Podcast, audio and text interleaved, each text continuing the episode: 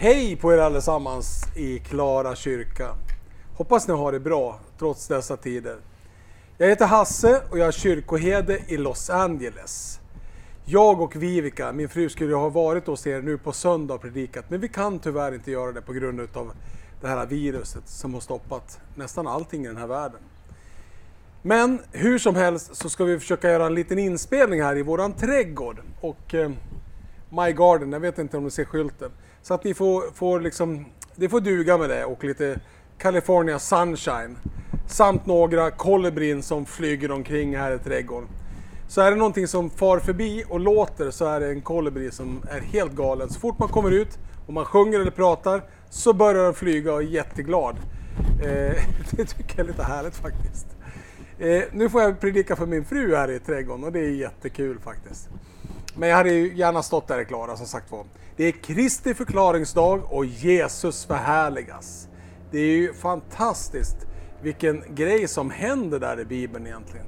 Jakob, Johannes och Petrus får gå upp på ett berg för att be med Jesus och där sker ju någonting helt makalöst egentligen. Det är ju Elias, Elias som uppenbarar sig och Mose tillsammans med Jesus. Det är en enorm grej som händer egentligen. Och om man läser Lukas texten då så, så är det ju så att lärjungarna har ju faktiskt somnat där innan.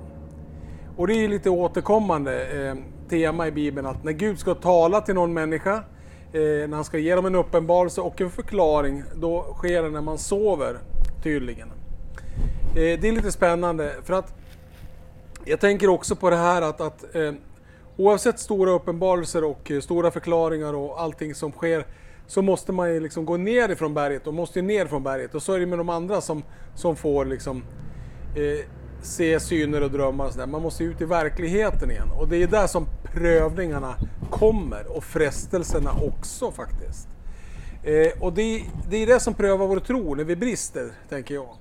För jag vill gå tillbaks nu då till, till en jag tänker på som, som hamnade i djupt dvala och det var ju Abraham och han fick ju en kraftig dröm där om vad som skulle hända och att han skulle bli fader till många och allt det där känner många säkert till som har läst de här historierna. Men om du inte har läst de här historierna så kan jag rekommendera att du plockar upp den här lilla boken. Bibeln alltså. Eh, och fördjupar det lite.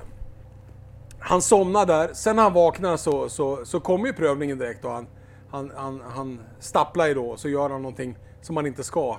Han försöker ordna allting i egen kraft, han försöker fixa det här liksom han och hans fru, de försöker fixa det här som Gud ska fixa egentligen, för att Gud har sagt det. Jakob också, han somnar också innan han ska gå in i sin stora fostringsperiod egentligen. Eh, och så får han liksom drömma om en stege där änglarna går upp och ner och, och oj oj oj vad han får drömma. Han får veta precis det som ska ske. Lilla Jakob. Men han hamnar ju i trubbel, i frestelser och prövningar och svårigheter. Och han håller väl inte riktigt måttet heller, men hans karaktär danas ju där väldigt starkt. Det som sker med, med, med Petrus och, och de här grabbarna när de står där på berget och Mose och Elia har uppenbarats där, det är väl att de vaknar. Och jag tycker det är fantastiskt för att Mose, han representerar ju lagen på ett sätt. Och Elia, han får ju representera profeterna.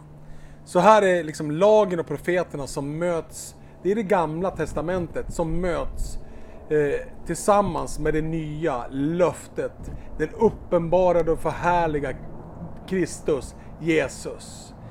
Min utvalde son som också får förklarat vad som ska hända. Han ska till Jerusalem och där vet också många vad som händer. Han får ju dö, eh, bli utlämnad. Allt det där får han ju reda på på berget där.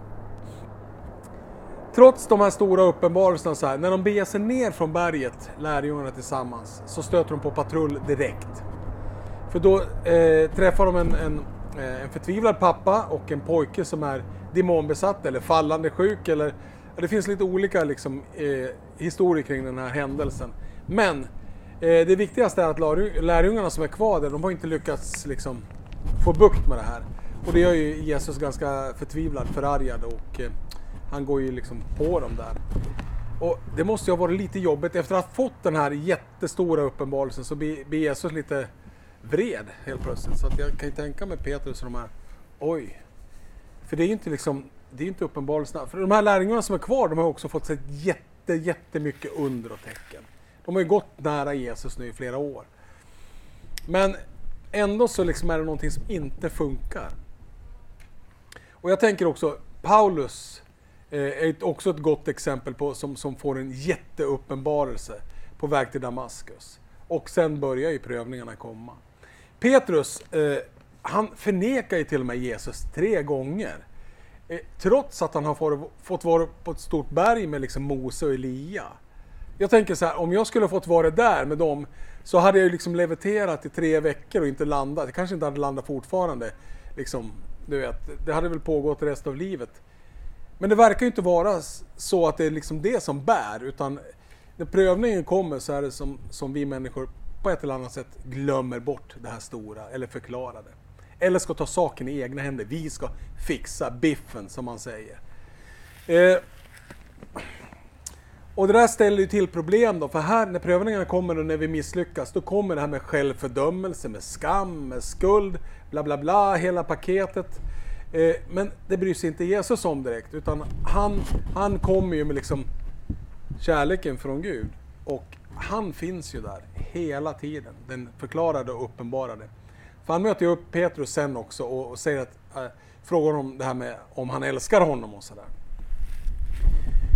Och så är det med oss människor i livet. När vi prövas eh, så, så då dyker det här upp som bor djupt om oss med tvivel och, och farhågor och allt det här, självfördömelse, allt kommer som ett brev på posten.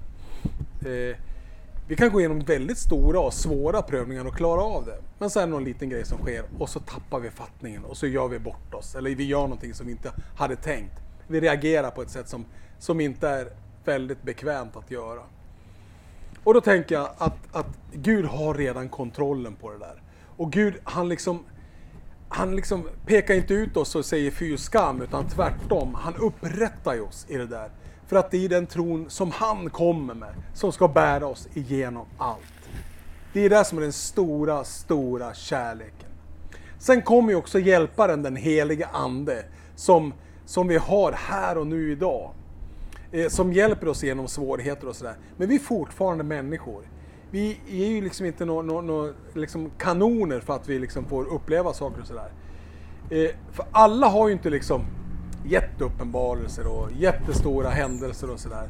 Utan det är någonting som sker som Gud väljer eh, att, att vissa ska få. Varför? Det kan jag inte förklara, men det sker. Men det är tydligen inte de som som, som liksom finns kvar i slutändan när allt brakar. Utan vid korset så är det ju kvinnorna och Johannes. Johannes var visserligen med på berget där. Eh, men eh, det är väl att på ett sätt, om vi har blivit drabbade av Jesu kärlek, eller Guds kärlek då, så, så om den får bita sig fast i hjärteroten, då står vi pall när ingenting är kvar, när allt faller omkring oss. Kanske vännerna lämnar oss. De vi älskar försvinner. Eller ja, vi misslyckas med vad det än det kan vara. Då finns den förklarade och uppenbarade Kristus Jesus kvar. Och det är viktigt att veta i den här tiden som är nu över vår jord, när allting är helt galet egentligen. Jag tänker, jag brukar läsa lite bloggar och, och, och jag läser tidningar och sådär. Och jag ser att väldigt mycket liksom konflikter börjar bubbla upp. Folk är osams om både det ena och det andra. Även i mindre sammanhang där man tycker att man borde kunna vara överens så börjar liksom spänningarna komma. Och man tar fel beslut, man säger fel saker i, i dessa svåra, svåra tider. Och då har vi ett budskap att förmedla. Att det finns upprättelse att få även om du misslyckas. Och speciellt nu i den här tiden tror jag att det är ännu viktigare att människor får ska få reda på det här, att det finns en som älskar dem när vi kroknar. Det finns en som bär oss genom allt och som också skapar och ger tro. För tron är också en gåva från Gud, en nådegåva. Jesus är ju fantastisk egentligen. Och det är fantastiskt att få följa honom i evangelierna. Eh, så jag rekommenderar att, att eh, till er som inte liksom är så bevandrade eller har läst så mycket i den här boken, damma av den och ta fram, fram den och börja bläddra och läs vad som står. Fråga någon präst eller någon kompis eller någon, om du inte förstår vad som står, så kanske du kan få en liten förklaring. Men det som inte behövs förklaras mer, det är att Gud ser, upprättar, helar och hjälper människor idag. Det är det viktigaste budskapet i det här tycker jag. Att vi får ta emot det där. För när allting faller, precis som på berget efter uppenbarelsen när, när Mose och Elia försvinner, så är det bara Jesus som står kvar. Och när vi har kommit till den punkten i våra liv att allt har fallit, så står Jesus kvar mitt framför oss. Och det kan vi lita på. Även om det mörkrar på färden och vågorna svallar runt och allting ser hopplöst ut. Så finns det där ljuset som ingen kan släcka. Den uppenbarade och förklarade. Halleluja! Hoppas jag fick ut någonting eh, som träffar någon i hjärtat. Eh, eller whatever. Ni vet att eh, det är bara Gud som kan åstadkomma under. Och det är jag glad för. Att det inte är någon annan. Tack för mig och Gud välsigne er alla.